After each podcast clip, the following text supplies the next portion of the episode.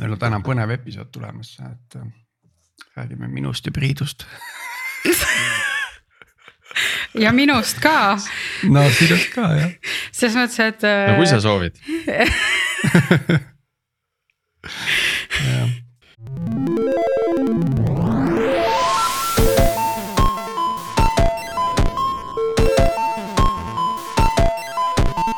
tere jälle Algorütmi kuulama, eetris on meie saja seitsmekümne kaheksas episood, mina olen Tiit Paananen Veriffist ja minuga koos salvestamas on Priit Liivak Nortalist. hei, hei.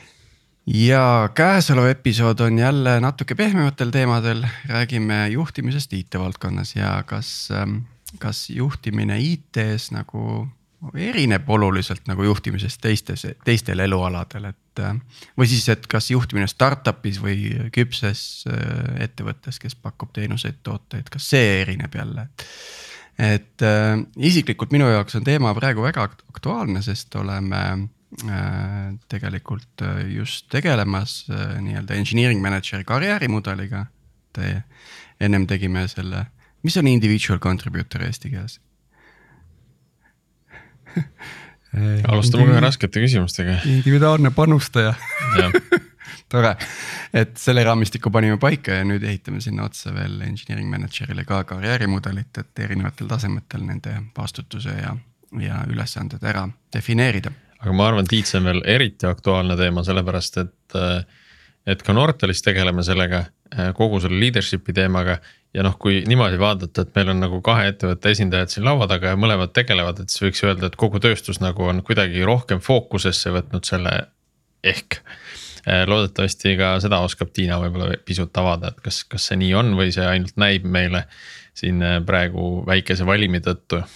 ja, ja olemegi palunud saatesse Tiina Sakkose, äh, kes on Code Jõhvi talent manager ja ka ma saan aru ettevõtja tänapäeval ja, ja Tiina varem näinud lähedalt nagu ettevõtteid, selliseid ettevõtteid nagu ProExpert, Eesti Energia ja EMT, täna siis Telia. et tere tulemast saatesse, Tiina. räägi natukene, miks see teema just sind erutab ja, ja ava siis natuke oma tausta ka, kuulajad saaksid tuttavaks uuesti. jah, tervist kõigile ja siin on tore olla jälle et eelmine kord ma olin siis, kui ProExperdis äh,, ProExperdi ridades veel olin ja rääkisin sellest ähm, juhtide vabadusest. ja, ja noh, mina tegelikult äh, enamus oma sellisest tööalasest karjäärist olen olnud juht ja, ja see on see teema, mis mind väga kõnetab. ja, ja kui rääkida juhi, juhtide vabast kultuurist, siis seal on samamoodi juhid, aga nad juhivad siis mitte inimesi, noh, nad ei ole manager'id, vaid siis nad juhivad kas eesmärke, ülesandeid, funktsioone.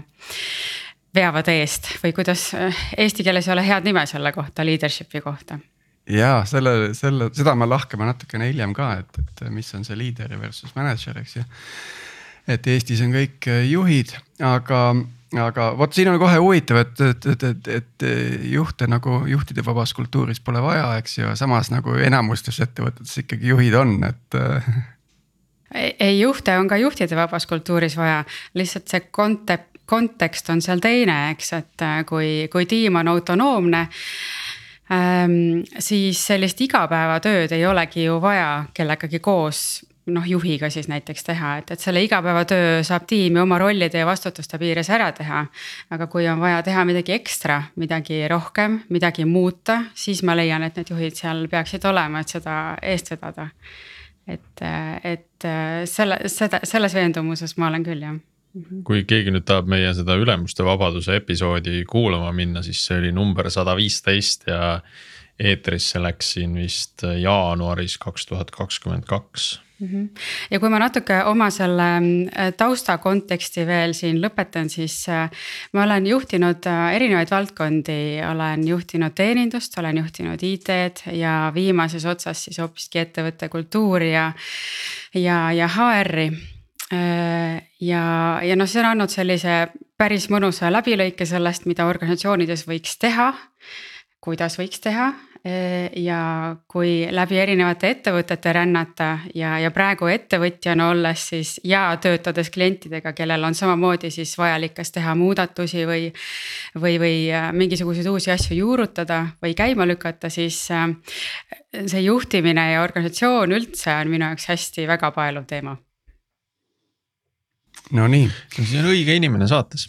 no jumal tänatud ja, ja, aga võib-olla alustame natukene paar sammu tagasi, et, et kuidas üldse nagu juhtimine on, ütleme, võtame sellise kümne aasta horisondi. Need asjad liiguvad tänapäeval nii kiiresti, et siin pole mõtet nagu vaadatagi kaugemale, et. et kuidas see nagu muutunud on, et, et, et enne kui me see nagu IT-ala juhtimisse sisse läheme, et, et mis sinu, sinu vaade sellele täna on? No minu meelest kõige suurem muutus, mis on juhtunud, on see, et ikkagi veel kümme aastat tagasi ja tegelikult ka praegu osades organisatsioonides äh, on paigas ikkagi mänedžerid. Et, et äh, õnneks see trend on nagu muutumas, aga mis ma selle nii-öelda selle manager'i all ja ma tahan just seda ingliskeelset terminit kasutada, sest eesti keeles juht on sihuke noh, tähendab kõike. et ähm, mis ma selle all mõtlen, on see, et, et siis äh, juht teab, keda tööle võtta, ta teab täpselt, milline see inimene on, üksinda, eks ju, otsustab selle, siis ta määrab palgad, ta ütleb sulle, millal sa koolitama lähed ennast, mida sul on vaja koolitada. ta ütleb sulle tööülesanded, siis pärast kontrollib neid, noh noh, ütleme selline nagu ikkagi täiesti selline ülevalt alla juhtimine. oli ikkagi vanasti rohkem niimoodi prevaleerimas kui siis praegu. ja ma arvan, et ähm, noh, erinevate asjaolude arengus siin ühiskonnas, kindlasti ka tööjõupuudus on olnud selliseks suureks äh, Äh, muutuvaks äh, teguriks siin selles kontekstis, et, ähm, et noh, nüüd on asjad veidi vastupidi, et ähm, väga palju juba siis äh, need inimesed ise, kes tiimides töötavad ja on oma ala eksperdid, ütlevad ise ette, mida nad teevad. sageli siis nüüd juba ütlevad juhtidele ka, mida need juhid tegema peavad et see et, on et nagu veits tagu. et kõik on muutunud juhtideks jah, jah, ja kui sa ütled juhtide vaba ettevõte, siis äh, mina selle all mõtlen, et kõik ongi juhid, kes seal sees, iseennast sa pead alati juhtima. jah mm.. samas ega tegelikult neid erinevaid juhtimisstiile ja, ja, ja nagu mänedžer võib olla ka äh, täiesti selline kaasav äh,, coach iv äh,. Ähm, et, et sa, sa nagu ütleme tiimijuhina äh, ei pea nagu rakendama sellist top-down äh, lähenemist, eks ju, et. tihti sa ütled, et raamatut ei maksa kaante järgi hinnata või tiitli järgi ei maksa nagu rolli hinnata. jah, et nagu selles mõttes, et me jah, me nagu anname neid hinnanguid nagu suht kergekäeliselt, eks ju, et, et ma arvan ka tõenäoliselt kakskümmend aastat tagasi oli organisatsioone, kus mänedžerid äh, nagu manageerisid teistmoodi kindlasti, ma tõin sellise noh, ütleme siis piltliku näite, kuidasmoodi see muutunud on, et kindlasti on olnud ja minul endalgi on olnud kakskümmend aastat tagasi väga ägedaid juhte, kes ikkagi.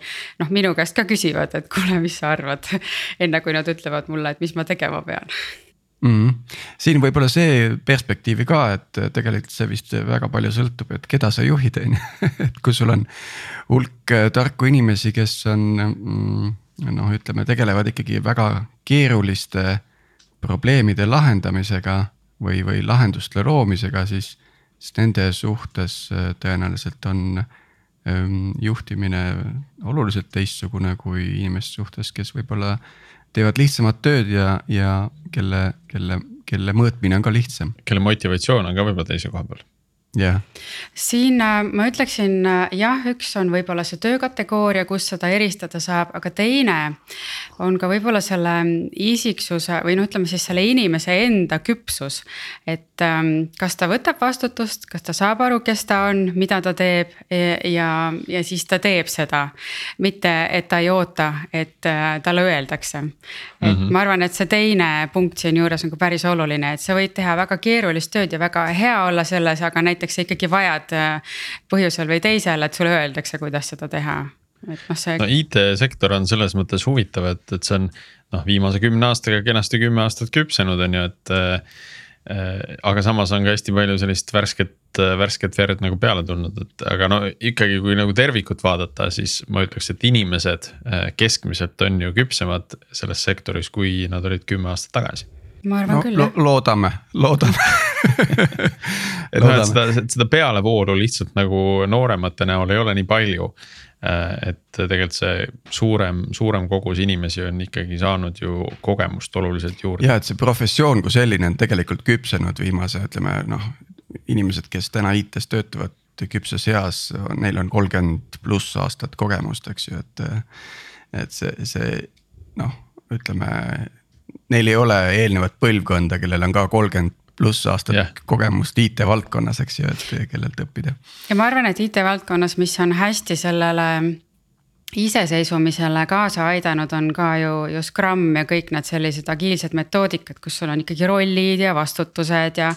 ja, ja seda rolli ju otseselt ei ole, et keegi sulle tööd et, ette söödaks, on ju mul ongi siin üks hea anekdoot rääkida, ma kaks tuhat neliteist käisin korra Lätis ühte ettevõtet juhtimas ja siis äh, oli nagu äh, kvartali planeerimine ja eesmärkide seadmine ja siis äh, äh läksin siis sellele üritusele, ütlesin noh, mis eesmärgid teil on. siis nad vaatasid sinu äh, otsa? Nad olid nagu, oota, ma ise pean mõtlema välja või? Vanem, vanasti ikka mulle öeldi, mida ma pean tegema, siis ei, ei nagu see aeg on läbi, poisid. et me oleme palganud siia targad inimesed, te teate sellest asjast palju rohkem, davai, paneme eesmärgid ritta. ja siis oli nagu paar nädalat läks mööda, siis eh, tuli juba ringiga tagasi, et ja nüüd on meil sihuke läänelik juhtimiskultuur toonud, toodud siia, eks et see, see kontekst, kus me, kus need juhid on ja nii edasi, on, erineb ka päris oluliselt, ma kujutan ette noh, ma nüüd üldistan, aga mida ida poole me läheme, seda rohkem top-down'i on ja mida lääne poole me läheme, seda rohkem sellist nagu. aga sellest juhtimiskultuuridest võiks täitsa teise episoodi teha, see on. Äh, äh, see on suur teema, aga Just. Tiina, kui sa nüüd noh, ütleme see kümme aastat tagasi, mis on, mis on muutunud. Äh, kui sa vaatad nüüd tuleviku poole, et mis siis need muutused on, mis sa täna näed et toimuvad ja mis eh, tõenäoliselt veel võimenduvad nagu lähiaastatel. et kas see iseseisvuse kasv, iseseisvustumine eh, hoogustub veelgi ja me jõuamegi nagu üha rohkemates ettevõtetes sellise juhtimisvaba eh, kultuurini või, või on midagi muud juhtumas mm? -hmm no see on minu selline äh, salautoopiline unistus jah, et sellist autonoomsust igasse organisatsiooni järjest äh, juurde tuleks. aga tegelikult ähm, ähm, mis ma mõtlen, on see, et ähm, ähm, ka selline autonoomsusel ja, ja iseseisvusel põhinev äh, organisatsioon, et see on ka igal pool veidi erinev. et äh, isegi kui sa võid sellest lähtuda, siis inimesed on erinevad, ettevõtte omanikud on erinevad, ettevõtte juhid on erinevad ja kõik see koostöös või koosmõjus. loob iga organisatsiooni kaupa ikka veidi erineva sellise mudeli või koosluse. aga ma arvan või ma loodan küll, et sellist autonoomsust, iseseisvust äh, tekib juurde. sest praegu, mis mulle praegu näiteks tundub, on, on see, et osades kohtades, kus veel ei oldu, ei olla, ütleme siis. ei olda võib-olla sellest pärisest, sellest eelmisest kontekstist lahti saadud, siis ja juhid ka päris ei tea, mida nüüd edasi teha, siis seal võib olla segadus päris suur, mida ma olen kohanud. et justkui ma ei tohi enam öelda midagi inimestele, sest kui ma neid nagu nii-öelda siis hakkan neile tööülesandeid jagama, siis võib tekkida see hirm, et äkki inimesed lähevad minema või et äkki neile ei meeldi. kui tagasisidet annan, äkki, äkki keegi võtab hinge jah, just nimelt, et äh, see. ja huvitav see... on see, et samal, sama hingetõmbega need inimesed äh, väärtustavad igasugust läbipaistvust ja sellist demokraatilist lähenemist, needsamad inimesed, kes siis saavad seda tagasisidet. Äh, on, on justkui selle nii-öelda koolkonda esindajad ja siis, kus nad seda siis lõpuks saavad, siis on oi, siis on karm. see on valesti antud, Tiit tõenäoliselt. ega see ikka on ju nii, et endas on natukene raskem näha neid vigu ja teha võib-olla ka siis korrektuure või kriitikat vastu võtta, kui et siis seda teistele jagada, et. et kuidas see väljend ongi, et teiste hambaid on ikkagi lihtsam parandada et kui iseenda omi aga, aga mulle tundub, et praegu on jah selline, selline nagu üleminek või, või selline veidi segadust ka, kui organisatsioonides vaadata et sa küll ütlesid, et, et ma teen CodeJufiga koostööd ja, aga, aga tegelikult mu põhiosa läheb erinevates organisatsioonides nagu ringi käimisele ja siis seal muudatuste juhtimisele. ja, ja siis või siis kasvõi kui ma käin rääkimas autonoomsetest tiimidest äh, erinevate ettevõtete näitel maailmas või siis Eestis või minu enda kogemusest, siis äh,, siis mm, ma näen seda segadust, et äh,, et juhid nagu tihtipeale päris ei saa siis aru, mis nende roll siis on. et okei okay,, et hakkame kõik autonoomseks, aga mis siis mina teen või et mis siis ja, ja siis tiim küsib samamoodi, et aga mis see juht siin siis tegema hakkab. ja siis sageli tulevad sellised ähm, noh, kas nüüd väited või, või siis arvamused, et. aa, et mina olengi üldse coach siin, et see tiim ise teeb kõike, mina ainult coach in, ütleb siis see juht, on ju. siis ma mõtlen, et okei okay,, et kas ta siis on juht või siis ta on coach sest coach imine kui metoodika on ju väga-väga äge. et läbi selle jõuab väga hästi inimesteni ja, ja see, mis sa läbi selle metoodika ära teha saad, on, on tõesti imeline. aga siis ta sa... pole juht enam ju. täpselt, et, et noh, kui sa coach kasut... peab olema seal distantsil nii-öelda kõrval, eks ole no sa saad tegelikult coach ida oma tiimi inimesi ka, ma arvan seda, et, et noh, see no, metoodika selleks, selleks on ju kasutatav selleks mm -hmm. hetkeks vähemalt sa pead ennast justkui nagu distantseerima sellest asjast. jah, just ja see, ma arvan, metoodikana see on ikkagi võimalik, aga lihtsalt, äh, mis ma nagu siis öelda tahan siia juurde, et aga, et. aga siis ta on ju coach aga siis ta ei ole ju juht, kui ta ütleb, et ta ainult coach ib oma inimesi, eks. see on nagu siis minu arusaam temast, et, et minu meelest juht peaks andma siis ikkagi mingit teistmoodi lisaväärtust veel juurde, mitte siis ainult coach ima oma inimesi. vot väga hea, väga hea koht, sest ma olen märganud äh, vähem kogenud juhtidel, kes on võib-olla oma positsiooni te,, tema positsioon ja tema kogemus äh, nagu ei match'i hästi, eks ju, siis seal jääbki ainult järgi üks küsimus kuidas ma saan aidata sind, eks ju, ja siis see, see on nagu see küsimus, mis on, mis on nagu ainuke küsimus, sest coach imisest ka väga palju ei tea, on ju. Et ta ei oska nagu panna mind rääkima, on ju, et, et um, kuidas ma saan aidata, siis mõtlen, mõtlen, et vot ei, okei okay,, et sa nagu tegelikult ei tea, mida ma täpselt teen ja, ja mis see keerukus on, on ju. ja kui ma lähen detailidesse, siis sul kaob nagu kiiresti tähelepanu ära, eks ju. et nagu see küsimus ei ole tegelikult nagu e, nagu õigustatud, et sa ei saagi aidata tegelikult, võib-olla sa saad aidata nagu noh, olla natukene nagu tegeleda oma asjadega, siis on muidugi küsimus, mis need asjad on, eks ju. täpselt, täpselt. aga siin, noh, siin on võib-olla see vaja nagu korduvalt küsida, eks, et noh, et see esimene vastus ongi Äh, see, et mul on see tehniline probleem, aga näed, sa ei saa aru, noh okei okay,, aga kuidas ma veel saan aidata, on ju. et kas on midagi muud siis, kui ma selle tehnilise probleemiga ei saa aidata.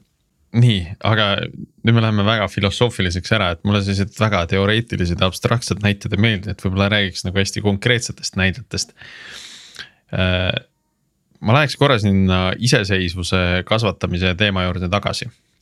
et kui, kui me nüüd võtame nagu erinevat tüüpi ettevõtted, siis milliseid konkreetseid näiteid mingitest, ma ei tea, initsiatiividest või praktikatest sa oled näinud, et mida, millega saaks seda iseseisvust kasvatada, et kui me võtame nüüd noh, tooteettevõtte näiteks, et noh, millised on siis need, need võtted, et kuidas nagu kaasata äh, inimesi rohkem siis kogu tootearenduse otsustusprotsessi näiteks või kui me räägime teenusettevõttest on ju nagu, nagu Nortal on, on ju, et noh, et kui meil on juba nagu äh, rohkelt noh üle tuhande inimese nagu väga paljudes geograafiates.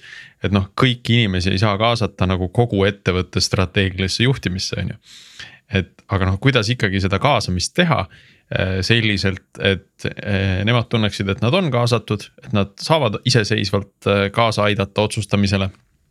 Ja teiselt poolt, äh, et see üle võlli nagu käest ära ei läheks, noh tooteettevõttes samamoodi, et kõiki, kõiki ideid nagu rakendama hakata ei saa, on ju.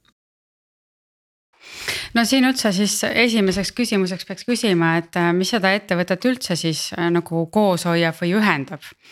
Et ähm, mina ise pakuks, mis seda võiks koos hoida või ühendada, on selline hästi suur eesmärk, kuhu poole koos minnakse et äh, noh, seal võivad olla muud asjad ka, et inimesel tegelikult selleks, et ta ettevõttes oleks, oleks vaja äh, kihvti arengut oma eneseteostuses või karjääris ja, ja teiseks siis äh, ütleme sellist kuuluvustunnet. Need, see on need kaks asja, mis tulevad uuringutest välja, aga et, et mida veel tegelikult vaja on, on sellist nagu aru saama, et see, mida mina teen, see päriselt seda suurt eesmärki nagu mõjutab, eks. toet-, toetab seda, selle eesmärgi ja. saavutamist, millesse ja. ma ise tegelikult usun ka, on ju, miks ma muidu siin olen just, et, et nagu see link peaks olema hästi-hästi arusaadav, et mina teen siin seda asja ja siis, kui ma siin seda asja teen, siis see ettevõte läheb oma suure eesmärgi poole. ja no mulle metoodikatest või siis sellisest eesmärgistamiskultuurist hästi äh, meeldib OKR ehk siis objectives and key results, kus äh, mulle meeldib just seda, sedasorti ähm, siis eesmärkide laiali jagunemine, kus äh, on see suur eesmärk. ja siis tulevad erinevad tiimid või funktsioonid ja võtavad endale mingi ampsu sealt ise.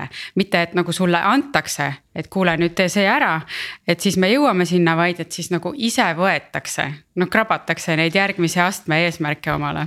no see on natuke see nagu see Tiidu anekdoot oli, et et, et Tiit võib tulla selle suure ideega, aga nüüd see, et millised on selle tiimi enda eesmärgid mis toetavad seda suurt eesmärki, see on, see on juba nende enda välja mõelda, eks jah, just näiteks, et kui sa tahad, äh, ma ei tea, isegi kui ettevõtte suur eesmärk on juba lahti võetud äh, väiksemateks äh, tükkideks, et no ütleme, et see suur eesmärk on see, et ja mis mulle väga veel oluline, et, et see suur eesmärk ei pea olema rahaline. ta peaks Võtame olema see. kõigi IT-ettevõtete ja, ja startup'ide suure eesmärgi maailma paremaks muuta mm. -hmm. me võime sellisest, sellisest Silicon Valley nagu allegooriatest nagu rääkida natukene. Alright, maailma paremaks muuta, siis äh, tõenäoliselt seal tekivad äh, erinevad, äh, erinevatele funktsioonidele või erinevatele, ma ei tea, rollidele siis organisatsioonis ju oma eesmärgid, näiteks tootetiim võib seada eesmärgiks selle, et nüüd on vaja uusi asju kärmelt tegema hakata ja siis see peab kõik toimuma ka kiiremini, eks ju et, et siis aga, aga jube hea oleks, kui nad saaksid seda ise otsustada, eks, et ettevõte paneb sul mingite milstone idega need suured asjad, aga et siis sa tootetiimina ütled, et. jah, nüüd me sellel aastal või järgmise aasta jooksul siis teeme üks, kaks ja, ja viis asja ja läbi selle me ütleme, et siis äh, uute toodete käive ka paraneb ja siis noh, siis ta on nagu ütleme siis juba sealt ülevalt poolt äh, läinud nagu noh, kui me hierarhilises mõõtmes räägime, aga tegelikult ka, kui organisatsioon on ikkagi nagu siukse kõrgem entity, siis ta on läinud juba tükkidena nagu mujale ka edasi. OKR-id kindlasti väärivad oma saadet. Äh, me oleme sellest mitmes saates tegelikult rääkinud, aga ma ei tea, kas meil ongi olnud nagu sellist sellele teemale fokusseeritud saadet ei um, ole jah, me peame selle endale sinna objective'iks panema. jah, me ja, ja kiire salt on see, et saade on tehtud, on ju. et äh, on küll binaarne, ei ole parim kiire salt, aga, aga põhimõtteliselt on olemas. no me võime loendada, mitu saadet me teeme ka sellel teemal. me võime loendada ka, et mis, et me võime seada ka kiire saldiks, et mis on selle saate kuulamise potentsiaalne target audience, eks ju, eks ju, hulk on ju. see on väga hästi mõõdetav et äh, aga ühesõnaga ma taht-, tahtsin veel selle kiire saltide ja OKR-idega seda väikse kommentaari siia panna, et, et internet on täis äh, juhiseid, kuidas neid seada. aga reaalses elus nende mõõdetavate eesmärkide, äh, tähendab eesmärkide mõõdetavuse defineerimine, isegi kui me suudame need välja mõelda, siis selle mõõtmise korraldamine on üliraske ja, ja nõuab nagu tegelikult sellist overhead'i potentsiaalselt, mis nagu noh, tekitab küsimuse, kas sellel on mõtet, et kas see sellest tulenev tagasi saadud väärtus on suurem kui selle mõõtmiseks tehtud eh, pingutus. ja, ja et võib-olla nii, et selle Objective'i esimene kiire salt on see, et äh, tööta välja mõõdikud ja siis, et mõtle välja, kuidas seda mõõta ja rohkem ja. ei jõudnudki näiteks. täpselt, on ju sest see, see on, mina, mina olen komistanud selle otsa, et ma suudan seda äh, välja mõelda, mida mõõta, aga ma ei suuda korraldada selle mõõtmist, sest noh, need on kvartali jaoks üldjuhul, eks ju, ja, ja nii ta läheb. Need mõõtmise äh, asjad, mulle tundub, et, et vahel siin inimesed satuvad sellisesse ähm, äh, ilmse lahenduse lõksu. noh, et, et et on justkui nagu mingi hästi ilmne asi, mida mõõta, aga tegelikult võib-olla see ei ole üldse õige asi, mida mõõta et, et see teeb nagu asja keerulisemaks, et noh, et, et mõõdame inimese rahulolu, aga no kuidas sa mõõdad inimese rahulolu, et võib-olla peaks hoopis midagi muud mõõtma, mida on nagu lihtsam mõõta, on ju. Äh, et, et see ilmne lahendus ei pruugi alati olla see kõige õigem, et see teebki võib-olla keerulisemaks isegi seda asja. Nii, meil on nüüd OKR-i episoodi äh, kondikava olemas. Paneme silt edasi ja räägime sellest, et kuidas see juhtimine nagu IT valdkonnas erineb versus nagu ütleme sellised küpsed teistes äh, tööstusharudes et kui toimetavad. sa oled mööda ettevõtteid käinud, et mis siis silma on jäänud? noh, eks ta, ma arvan, et sellist revolutsiooni selles, vähemalt Eestis mulle nii tundub. veavad selles juhtimiskultuuris ikkagi IT-ettevõtted. et kuigi maailmast äh, ma olen küll näinud äh, näiteid, mis äh, noh, lugenud ja, ja siis uurinud näiteid selle kohta, et tootmisettevõtted ja, ja tööstusettevõtted on ka ennast siis selliseks juba autonoomsemaks teinud, siis Eestis mul sellist näidet võtta ei ole. et seal võib-olla ollakse rohkem ähm, nagu sellises ähm, no kinni sellises, kuidas ma siis nüüd noh, hea vanas koolis või vanakooli juhtimises. traditsioonilises. jah, traditsioonilises, et ähm, siit mul jah, Eesti mõttes head näidet ei ole, küll aga Prantsusmaal äh, huvitaval kombel on üks tööstusettevõte, kes äh,. Favi on selle nimi, on täiesti oma shop floor'i ehk siis tööstusosa autonoomsete tiimide peale üles ehitanud, sellepärast et juht nii tahtis ja siis ta nägi ka väga vaeva selle nimel, et äh, leida need õiged inimesed ja, ja siis ähm, neile nagu selgeks teha, et, et see on teie vastutada, et need asjad siin lõpuks ära juhtuvad ja, ja siis nende seda näidet tudeerides. siis ma vaatan, et ohoh, et pingutavad ja päris hästi ja kui midagi läheb halvasti, võtavad vastutust ja päris huvitav. no ega kuskil ei ole kindlasti midagi ideaalset, aga, aga see näide nagu annab äh, sellist julgust, et kõik on võimalik mm. -hmm. kas IT-ettevõttes, ma mõtlen noh, üldjuhul kõik ju tänapäeval on nagu agiilsete metoodikate peal, seal on teatud rituaalid, mis kindlustavad selle läbipaistvuse ja planeerimise kvaliteedi ja, ja selle tulemuse mõõtmise ka, et.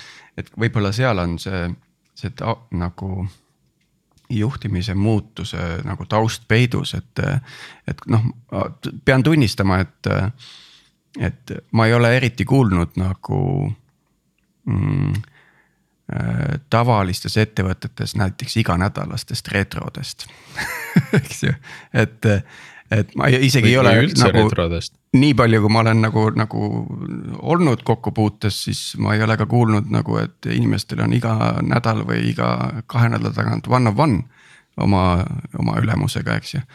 või oma noh, nii-öelda otsese ülemusega.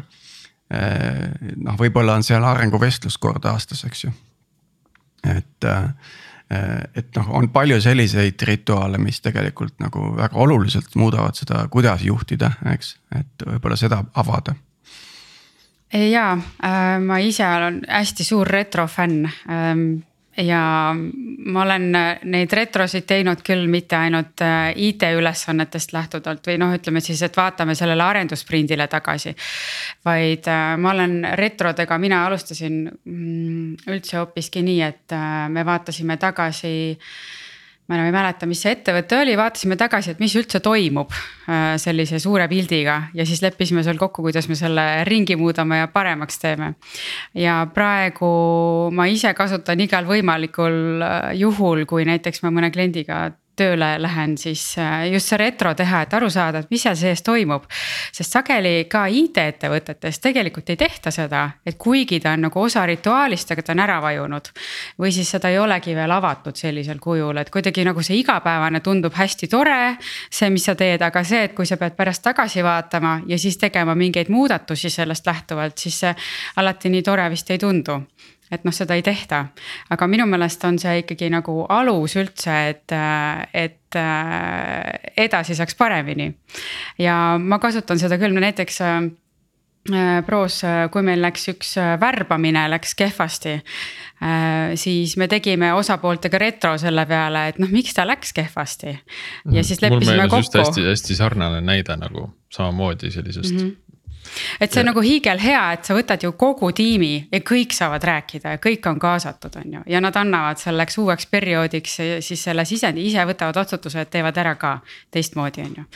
et see on äh, minu meelest hiigelhea ja kui neid rituaale. ma küsin vahele ja? retrodest, et äh, kas sulle meeldib äh, what went well, what didn't go well, what have learned, what I am mis su puzzled about. lemmikmetoodika on, noh vaata seal on Versus need start, purjekad on stop, continue, et noh, seal on nagu erinevaid formaate. on, ma olen proovinud neid igasuguseid, neid samu, mis sa ütlesid ja siis veel, aga ma tegelikult olen jäänud selle, selle hästi lihtsa juurde. et mis on hästi ja mis võiks paremini olla. ja siis see, mis võiks paremini olla, seal me teeme grupeeringu nendest probleemidest. ja nendest probleemidest siis moodustavad eesmärgid lahendamiseks et see on minu jaoks kõige lihtsam. ka ikkagi jah. ja, ja, asjad, ja. mida me saame mõjutada ja asjad, mis nagu lihtsalt juhtusid, mis on ilma mõjutuseta just, et kui äh, näiteks viimane retro, mida ma ühe organisatsiooni IT-osakonnaga just tegin, siis sealt tekkis nagu kolm sellist tulist topikut äh,. üks oli, et arendusprotsess üldse on vaja nagu tellijate ja kogu organisatsioonis nagu paremini kokku leppida. ja, ja seal tekkis siis selle teema kapten ja, ja meeskonnaliikmed tema ümber ja siis nad võtsid endale missiooniks, et äh, sellega liikvele minna. ja noh, me panime siis tegelikult selle probleemi tegime veel ka nagu OKR-ideks täitsa Äh, sellest probleemist tekkis eesmärk ja võtmetulemused ja noh, muidugi sellega peab edasi töötama, aga. aga noh, mulle meeldib alati, kui retrol on selline hästi konkreetne väljund, et me järgmine kord ei tuleks kokku ja ei räägiks täpselt sama juttu. vaid et seal vahepeal toimuks ikkagi muutus. Äh, nii, et mitte nüüd retrodesse ära minna et äh, räägime ikkagi juhtimisest ja kuidas, kuidas seda asja siis juhtida. et ka, ka seda, et, et retrod toimuksid näiteks ajakriitilises situatsioonis, et on vaja mingi tarne teha, on vaja featuure juurde lisada, et järgmine raha tõstmise round nagu paremaid tulemusi näidata. noh, kuhu me selle retro paneme, et äh, kuidas seda siis sinna kogu sellesse kriitilisse ajaraami panna, et mulle tundub, et see on väga sage probleem. väga sage. jah, jah äh, ma mõistan seda ähm, ja see natukene minu peas läheb kokku selle urgent versus important paradoksiga, ma ei tea, kas te teate seda, eks ju. et, äh, et sa kogu aeg tegeled sellega, mis on nii kiire ja kohe vajab lahendamist, et sa unustad ära need asjad, mis on olulised. ja siis ühel hetkel, kui need olulised asjad, millega sa ei tegele, muutuvad kiireks, siis sul on kõik, see kõik on üle pea. ja see on ähm, selline organisatsioonilise võla nagu tekitamine. jah, et sa kogu aeg, no ütleme siis just nimelt, et kui sa näiteks äh, kas koostöövõlg või siis näiteks arendustiimis ka, kui sa ei tegele selle olulise tehnilise võla likvideerimisega. siis ühel hetkel peale mingisugust X-reliisi või enne seda paremal juhul, noh, sa oled täiesti põlvini mudas. et, ähm, et seda seda peab nagu koputades meelde tuletama, et sa peab, noh, sa pead, võtad selle kasvõi tund-poolteist ja, ja tegelikult peale selle. peale selle omavahelise noh, ütleme asjalikkuse, mis sa seal saad, seal retros sa saad seal ju palju sihukest koostööväärtust ka. aga et noh, jällegi eesti keel on selles mõttes nagu, nagu talupoja keel, et nagu inglise keeles on priority ja severity, eks ju. et, et või, või urgent või important on ju. meil ei ole kahte erinevat, meil on et üks. meil on nagu, mis siis tähtis ja, ja kiireloomuline või? prioriteetne, kiireloomuline, noh, okei okay. -hmm. aga kui su küsimus oli, et kuidas saab, siis äh, keeruline öelda mingit retsepti, mis igale poole kehtiks. aga see on noh, ma arvan, et siin võib-olla ma ise, ise pakun välja, on lihtsalt distsipliin. aga no see on küsimus, et kes seda siis läheb rakendama see, sinna tiimi on ju. tegelikult on selle distsipliini eh, dikteerija, tema taob seda trummi. eks ju, ja kui ta mingid no, mingil hetkel enam ei tao seda trummi, siis äh, siis äh, ülejäänud instrumendid mängivad edasi, on ju, aga ühel hetkel hakkavad ka vaatama, et kus see rütm on, hei et, et mis ma nüüd siit edasi mängin, et. No USA-s on selline mees nagu Jocko Willing, kes on tulnud sealt äh, Navy Sealidest ja nüüd teeb igasuguseid juhtimis ja noh. see selleks, et ta võib-olla läheb natukene radikaalseks teatud teemades, aga muidu on mõtted väga head. et, et tema nagu on korduvalt rääkinud ka sellest, et kuidas juht peabki seda rütmi tunnetama ja teatud hetkedel siis äh, võib-olla natukene pidurit vajutama, teatud hetkedel võib-olla äh, noh, heas mõttes õli tulle viskama, et nagu julgustama, tagant utsitama, on ju. et see, et see rütmi nagu, rütmi juhtimine on see siis natukene see teema, millest tema on rääkinud, et.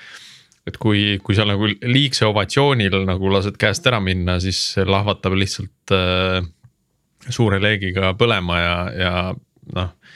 ei anna ka head tulemust, on ju jah, sellega ma olen nõus ja osades tiimides, kui on tugev Scrum Master või, või agile coach, siis tema on see, kes seda koputab ja ei luba tiimil lihtsalt ära joosta. just, just, et, et tuleb tajuda ära see esimene koht, kus see nagu hakatakse, hakatakse cancel'it tegema mingile mhm. retrole mm, -hmm. öelda, et kuulge, et ärme ikka tee, et proovime ikka ära teha, et teeme kasvõi pool tundi. Äh, või noh, teeme lühemalt, on ju, kui midagi rääkida ei ole. aga ärme ära jäta, sest muidu nagu rütm kaob ära. jah, sellega ma olen nõus hästi mm. -hmm. On erinevaid juhtimisi ja, ja no ma siin paar, paari lõiku tahaks puudutada, et ütleme selline hästi tavaline IT-ettevõtetes on see, et on selline kompetentsipõhine juhtimine, et nagu juht on esimene mees tiimis ja siis ta palkab endale inimesed ja siis ta, kuna ta teab kõike, siis ta nagu juhibki seda nagu kompetentsipõhiselt. või noh, ütleme teadmiste põhiselt, mis tal on selle konkreetse valdkonna osas omandatud, on ju ja siis on mingisugused inimesed, kes nagu juhivad mingeid tulemusi, eks ju, noh, ütleme, kes, kes mõõdavad väga täpselt, ma ei tea, müüki ja, ja, ja. ja peavad need nagu numbreid järgima ja siis on, siis on puhtad people manager'id, et kuidas see IT valdkonnas see tulemused versus kompetents versus puhtalt inimeste juhtimine nagu välja joonistub sest ütleme inimest, kui sa oled puhtalt nagu people manager, siis on väga lihtne kaotada nagu respekt äh, nagu tiimi sees, eks ju, kui sa ei ole mingi meeletult karismaatiline kogenud äh, people manager mm. -hmm ma arvan, et siin on hästi palju organisatsiooni enda defineerida, et millist juhtimiskultuuri või millist tüüpi juhte ta tahab. et ükski, ma arvan, neist ei ole nagu vale ja ta sobib noh, mingisse konteksti ülihästi.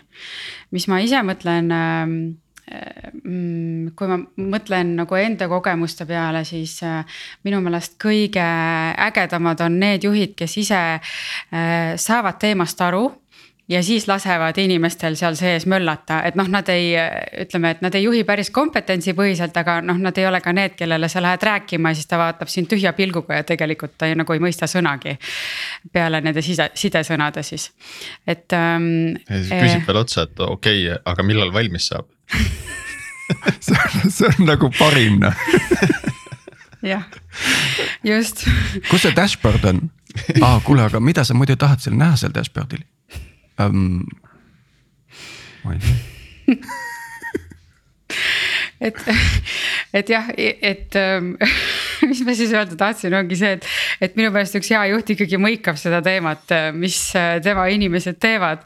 Äh, ja siis inimeste inimesena suudab neid ka nagu noh, siis edasi aidata.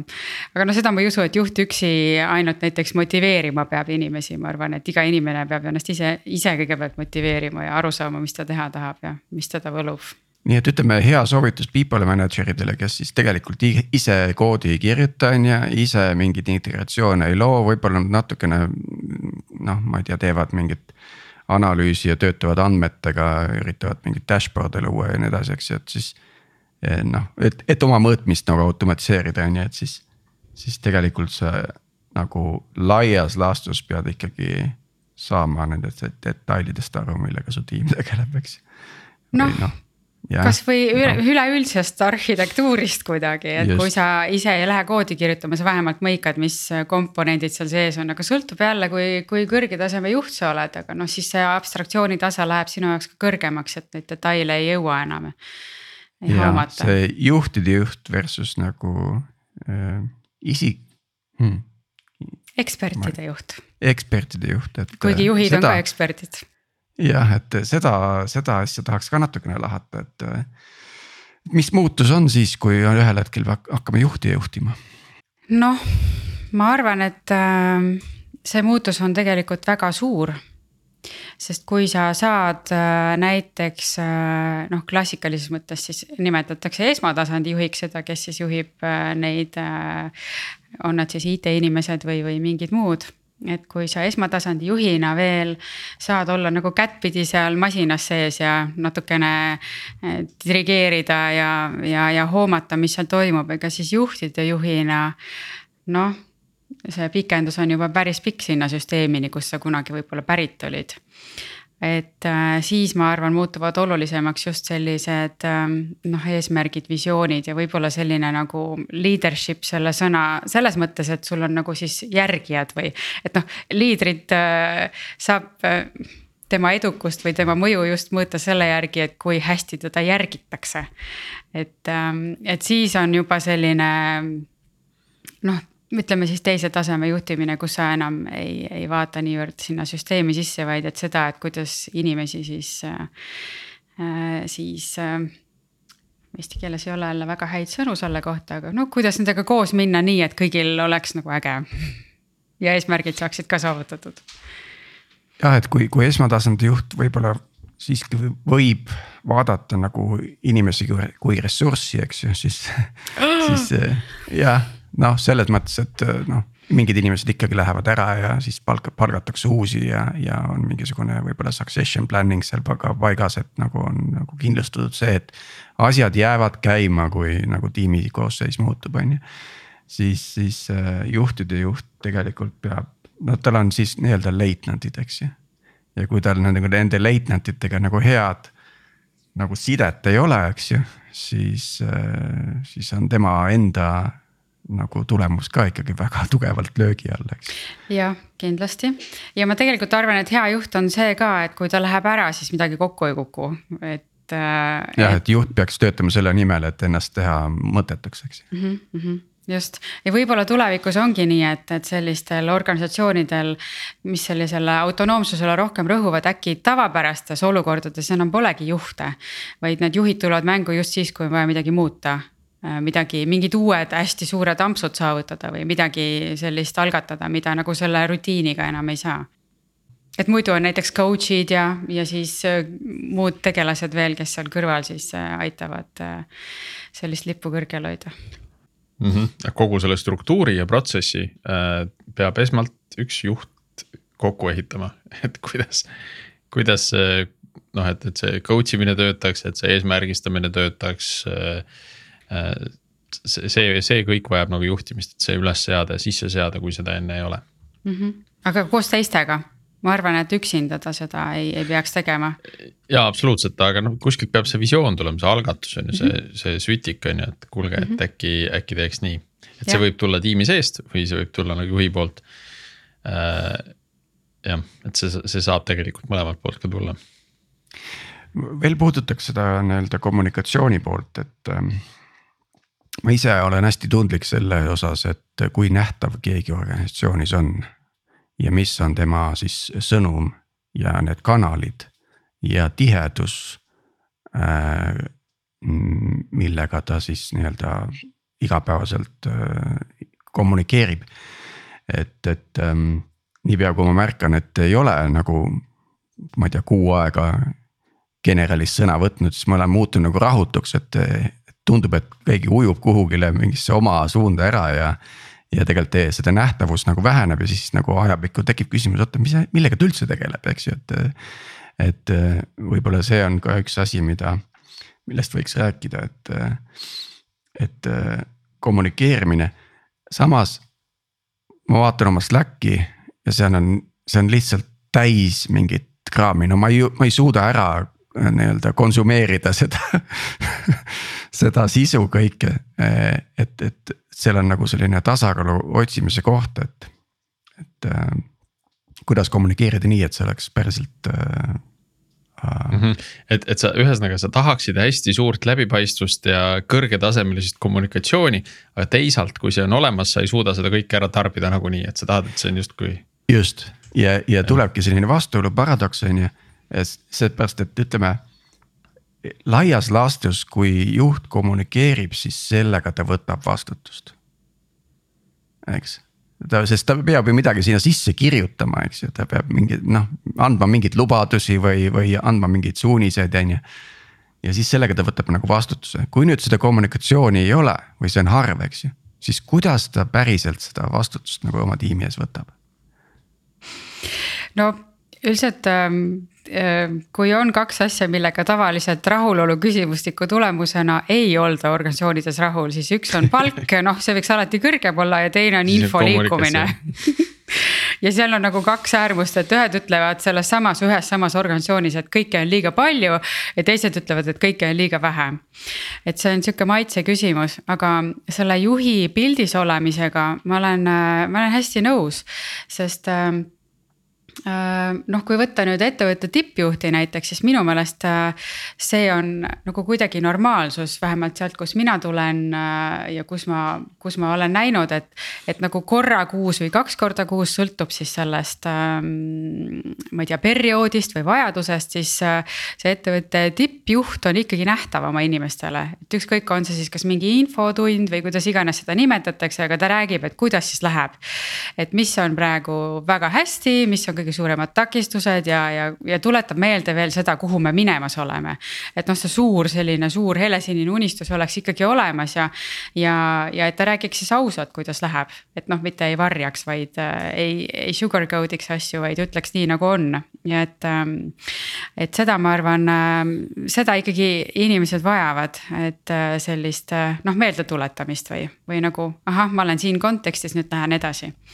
Et seda, ma arvan, on vaja, aga mis puudutab nagu äh, kõiki muid teisi juhte, eks neil igalühel on ju oma selline ringkond, kus nad peavad olema olemas või nähtavad või kaasa mõtlema, et nagu juhtimise seisukohast sul on alati nagu oma meeskond kellega sa siis äh, koostööd tööd ja kellega sa siis samamoodi seda lippu näitad või, või siis äh, oled minemas kuhugi, aga samamoodi on selline, ütleme siis. siis kõrvalt või peer'id, eks ju, kellega siis koos asju ajada ja, ja äh, mul on lihtsalt see soovitus, et, et kui sa Tiit näed, et keegi kaob ära, siis sa võid ta käest küsima minna, et kas on midagi lahti ja täpselt, et seda olengi teinud. hoopiski jah, võib-olla ta vajab mingit abi, sest tegelikult ja. ka võib-olla, et me oleme ikkagi inimesed kõik ja, ja vahel ongi nii, et on raske ja vahel piisab sellest ka, kui lihtsalt keegi fellow juht tuleb su juurde ja küsib, et kuidas sul tegelikult läheb. sest äh, ma arvan noh, vahet ei ole, mis rolli sa kannad ettevõttesse, esimesena sa oled ikkagi inimene ja vahel on raske ka mm nii, aga siia lõppu veel kõige provokatiivsem teema, et äh, tegelikult see episood sai alguse vestlusest, kus äh, me rääkisime sellest, et, et, et töötajad on väga iseseisvad ja väga otsuseid teevad ise ja, ja nii kui midagi ei meeldi, siis on kohe võimalus nagu minna järgmisse ettevõttesse, kus äh, muru on jälle rohelisem, palk on kõrgem ja ja alguses vähemalt antakse ruumi toimetada ka. -hmm. et ja, ja siis peatselt saad aru, et tegid võib-olla üldse vale otsuse on ju. kõik on samamoodi. kõik on samamoodi või isegi halvem on ju, et, et et äh, nüüd ja nüüd kõik need juhid siin nagu laveerivad nende inimestega, seal on nagu selliseid äh, jäigastunud vaadetega vanu pässe, eks ju, ja siis on hulk lumehelbekesi, ma nüüd sorry, ma siin lihtsalt nagu kategoriseerin, ei ürita sildistada. aga, aga nende inimeste suhtumised on nagu täiesti erinevad, eks ju, et et ja nüüd need juhid on siis nagu, nendest on siis tehtud mingisugused sellised nagu ma ei tea Nad on nagu mugandunud kuidagi selle olukorraga, võib-olla Tiina, sa seda lõiku avad natuke meile. noh, et muutunud selliseks käehoidjaks äh, rohkem, et mm. -hmm. Mm -hmm. sa pead siis silmas seda, et selleks, et inimesed iga hinna eest oleksid rahul ja nad ei läheks ära, et voolavus ei muutuks kõrgeks, siis äh, ma lihtsalt käin ja teenindan neid mm. -hmm noh, tegelikult äh, leader as a servant on kontseptsioonina väga no, õilis, eks ju. no kuskil peab nagu piirid tõmbama ka, et äh, kes mm. -hmm. et kui mõõtmise pool tagant ära kukub ja ainult accommodating on, siis nagu issand, see episood on nii täis inglise keelt. et äh, siis, siis raske ja ma nagu üldplaanis olen, olen väga nõus sellega ja ma arvan, et, et jällegi, et äh, vahet ei ole, mis rolli me kuskil ettevõttes täidame, me kõik tegelikult teenime teisi ka, kes meie ümber on või. või see on selline minu meelest ka nagu küpse inimese tunnus, et sa saad aru, et sa ei ole siin ainult oma ego, ego trip'i tegemas maailmas, vaid et tegelikult sa oled seotud teistega ja, ja sealt äh, läbi teiste noh, heas mõttes teenimise tekib sul võimalus ennast ka väljendada äh, või oma eesmärki näiteks täita ja nii edasi. et äh, ja juhi puhul täpselt samuti, Ehm, ma piiri ikkagi tõmbaks ka. E, ja seda on väga keeruline kuhugi tõmmata, aga kui, kui juht oma olemuselt on pidanud muutuma siis selliseks, kes ainult käib ja teeb neid töid, mida keegi teine ei viitsi teha. et olen seda ka kuulnud, et aga kes siis umbes minu eest dokumentatsiooni teeb, kui ma seda ise ei viitsi teha, ma jälle liialdan ja võimendan veits, on ju. või et kes siis minu eest neid koosolekuid kokku kutsub, kui ma neid ise ei viitsi kokku kutsuda, et noh, et justkui nagu kõik oma pärdikud tõstan tema õlale ja siis ootan, et tema tegeleks sellega. aga samas minu roll näeb ju ette, et mina lahendan oma ülesandeid äh, ja siis äh, noh, kui juht on lasknud sellisel olukorral enda jaoks tekkida, siis äh, eks seal on mingid põhjused, mida siis peab uurima, aga noh, ma, ma leian, et see, et noh, juht ei pea olema lihtsalt kõrgelt makstud sekretär, kes teeb. kes teeb siis teiste eest asju ära, mida teised teha ei viitsi et ähm, kuidagi ikka peaks süstima seda, seda mindset'i, et äh, igaüks ikkagi vastutab enda lõikude eest ise. ja, ja samas seda ei tohi lasta ka teise äärmusesse minna. et, et juht siis ei tee midagi ära, et noh, et mm. -hmm ja, ja sada protsenti delegeerimine, eks ju. ja, ja, ja ei, ma ei pidanud siin jah seda silmas, vaid just et, seda et tiidu seda. Tasa, tasakaalu peab hoidma, on ju, kuskil seal nagu väga-väga hea koha peal Äh, aga ma siinkohal kasutan juhust ja promon äh, asja, millest ma olen siin mõnes episoodis veel rääkinud, on, on selline isiklike retrode tegemine, et kui ma retrodest siin episoodis ka rääkisime. et äh, mina väga soovitan nagu kasvõi nädala lõpus nagu võtta see pool tundi ja teha enda isiklik retro, et asjad, mis ma siis tegin ja mis, mis hästi välja tulid ja mis oleks võinud paremini välja tulla ja. ja see on ka täpselt see koht, kus üle vaadata nagu seda, et asjad, mida ma ise tegin ja mille ma ära delegeerisin ja kuidas noh. kui, kui sobivas tasakaalus need olid nagu täiesti, täiesti toetan jah, sellist enda sisevaadet on ikka vaja. ja kui selles teemas veel sügavamale minna, siis tegelikult iga inimene, on ta siis juht või kes iganes, ta võiks ju kõigepealt välja mõtelda selle, et. kes tema üldse on, mis tema tahab, mis on see tema käivitav jõud, mis ta üldse käima lükkab, mis tema miks on, eks ju. et äh, kui sa seda tead, siis selles flow's on äh, ka ütleme sul siis retrot tehes kuhugi vastu nagu pöörduda, et kas mm -hmm, nüüd see. sellised printsiibid ja põhimõtted mm, -hmm. et mille -hmm. mille järgi joonduda, on ju. Mhm. ja kasvõi see, et mis liiki juht, juhiks ma ennast pean, noh, kui ma olen enda sihukese why või sihukese miks'i selgeks teinud, siis sinna peale ehitada näiteks, aga mis liiki juht mina olen. ja kas ma saan seda siin rakendada ja kuidas ma seda saaksin siin rakendada ja kas siis see nädal nüüd, mis siin toimus, kas ta siis noh, toitis seda minu miks'i ja seda, millist liiki inimene ma olen või millist liiki juht ma soovin olla või siis pigem mitte. see peaks olema onboarding kavas, et, et see noh, et esimesel, esimesel kuul sa paned nagu mingid põhimõtted ja printsiibid kirja, et milline juht ma siin ettevõttes tahan olla. ja siis seda oleks väga huvitav nagu äh, peegeldada, ma ei tea, kvartali või poole aasta pärast, et noh, kuidas see siis õnnestus mm. -hmm noh, see peab muidugi match ima ka selle ettevõtte ootustega, eks. absoluutselt siis on võib-olla vale värbamine juba tehtud, kui, kui seal mingit äh, kahtlast teksti välja tuleb, on ju. täpselt kui nüüd äh, küsida seda, et, et vaata, Tiina, sa tulid siia saatesse, sa tahtsid millestki rääkida, kas on mõni asi, millest me nüüd ei ole rääkinud, aga sa, me tegelikult peaks, et. ma arvan, et me saime ikka kõigest rääkida jah, ja isegi veel rohkem, et äh, äh jah, saime küll ja minu see selline utoopiline tulevikuvaade, kus inimesed on küpsed ja asjad juhtuvad iseenesest autonoomsete tiimide kõige muuga. las see, see on minu unistus ja las see nagu mulle jääda ma arvan tegelikult, et maailm sinnapoole liigub ka, aga see on hästi palju inimeste endi küpsuses ka kinni, mitte ainult siis organisatsioonides on ju. jaa, kas ähm, mm, sa oled ju, ju tegelikult kokku puutunud nende erinevate organisatsiooni nagu ülesehitustega just proeksperdist juhtide vaba kultuur. kas see mingi, on mingisugune mudel või kontseptsioon praegu arengus, mille peale nagu üle minnakse äh, organisatsiooni ülesehituse osas või nii äh,? millest me võib-olla ei tea veel, aga varsti kuuleme no igasuguseid mudeleid või teooriaid ju, ju võetakse ja praktiseeritakse. ja, ja üks liikumine, mis äh, minu jaoks äh, ka hoogu kuidagi tundub, et võtab äh, mitte ainult Euroopas, vaid ka mujal on, on Teal ehk siis ähm, seesama reinventing organizations'ist tulenev selline organisatsiooni filosoofia. ja Teal on ka selline nagu autonoomsetel tiimidel, aga see on siis mitte ainult see, vaid et kõik see, mis veel inimeste ja organisatsioonidega kaasas käib. Äh, Teal Around the World on, on üritus, mida nad korraldavad äh, korra aastas vähemalt ja neil on oma Reinventing Organizations Wiki, mis on hästi kihvt, mida vaadata, et kus on palju selliseid.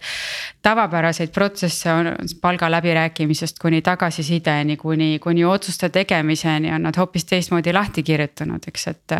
et ei ole üks inimene, kes otsustab, vaid et enne kui tema roll ütleb, et jah, sa pead selle asja ära otsustama, siis, siis see on nagu no ütleme siis teada, et enne otsust ma lähen ja vot need äh, seotud osapooled küsitlen läbi ja siis teen näiteks iseseisvat otsuse, mitte siis juhina ei otsusta üksinda näiteks. et seal on palju siukseid ägedaid äh, praktikaid näidetena ka lahti toodud. aga jah, siis ongi siin kodutöö ka kuulajatele endale samamoodi, et diilist ma olen küll gramm olen kuulnud, aga aga see on tänu sellele, et on üks tore Facebooki grupp, kus seda, seda content'i jagatakse, milleni mind kunagi juhtis üldse Sergei, kes oli meil siin saatejuht. et, ähm, et, et lähme siis äh, uurime Deal Organizations. aitäh äh, selle saate eest, Tiina ja aitäh sulle ka Priit, et aitasid äh, saadet juhtida, vedada. kõigile kuulajatele samuti tänud ja ja uute, uuel nädalal juba uute teemadega, et äh, kirjutage, joonistage meie Facebookis, meile joonistusi endiselt pole. aga teemasid ja külalisi võib endiselt soovitada ja olete ka seda teinud, mille eest loomulikult oleme väga tänulikud. Kuulmiseni järgmisel nädalal. Kuulmiseni.